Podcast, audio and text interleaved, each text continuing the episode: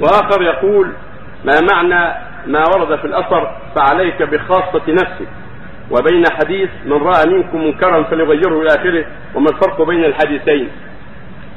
لا منافاة بين الحديثين. فالإنسان مأمور أن ينهى عن المنكر وأن يأمر بالمعروف حسب طاقته كما قاله النبي عليه الصلاة والسلام من رأى منكم منكرا فليغيره بيده فإن لم يستطع فبلسانه. فإن لم يستطع بقلبه فذلك أضعف الإيمان.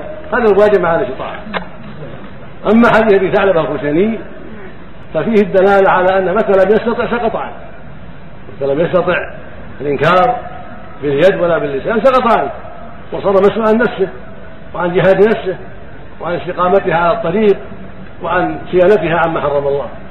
ولهذا في حديث أبي ثعلبة لما ذكر أن على الناس زمان على الناس أيام الصابر فيهن على دينك قابض على الجمر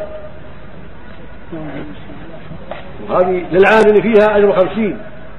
إذ منا ومنهم يا رسول الله لا أجر خمسين من منا أجر خمسين عاملا في منا ومنهم يا رسول قال من منكم؟ يعني من الصحابة. العامل في أوقات الفتن وأوقات غربة الإسلام وأوقات كثرة الشر وقلة الخير. العامل في إنكار المنكر وفي تكثير الخير. وفي تقليل الشر العامل في ذلك في اجتهاده وصبره وقلبه ولسانه له أجر خمسين من الصحابة. في هذا العمل. في هذا العمل العظيم. وقال في حديث إذا رأيت شحا مطاعا وهو متبع ودنيا مؤثرة وإعجاب كل ذرأي برأيه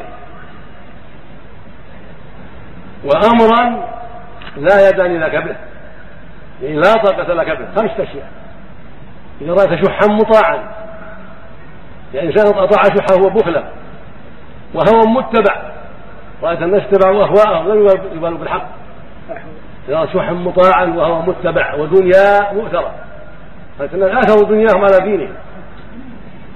وإعجاب كل ذي رأي برأيه. يعني إعجاب كل إنسان برأيه. يرى أنه مصيب وغير مخطئ ما ينظر إلى الدليل والسنة والقرآن لا. يحكم رأيه. وأمرا يعني وشيئا لا يدان لك به لا طاقة لك به رأيت أمرا ما تستطيع إنكاره.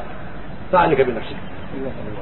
إذا وجد هذه الأمور فهي عليه بنفسه ليخلصها من هذا البلاء وليصونها من معاصي الله ومحارمه وما دام يستطيع أن ينكر فلينكر. ما دام يستطيع أن ينكر فلينكر. هذا هو جامع الحديث. نعم.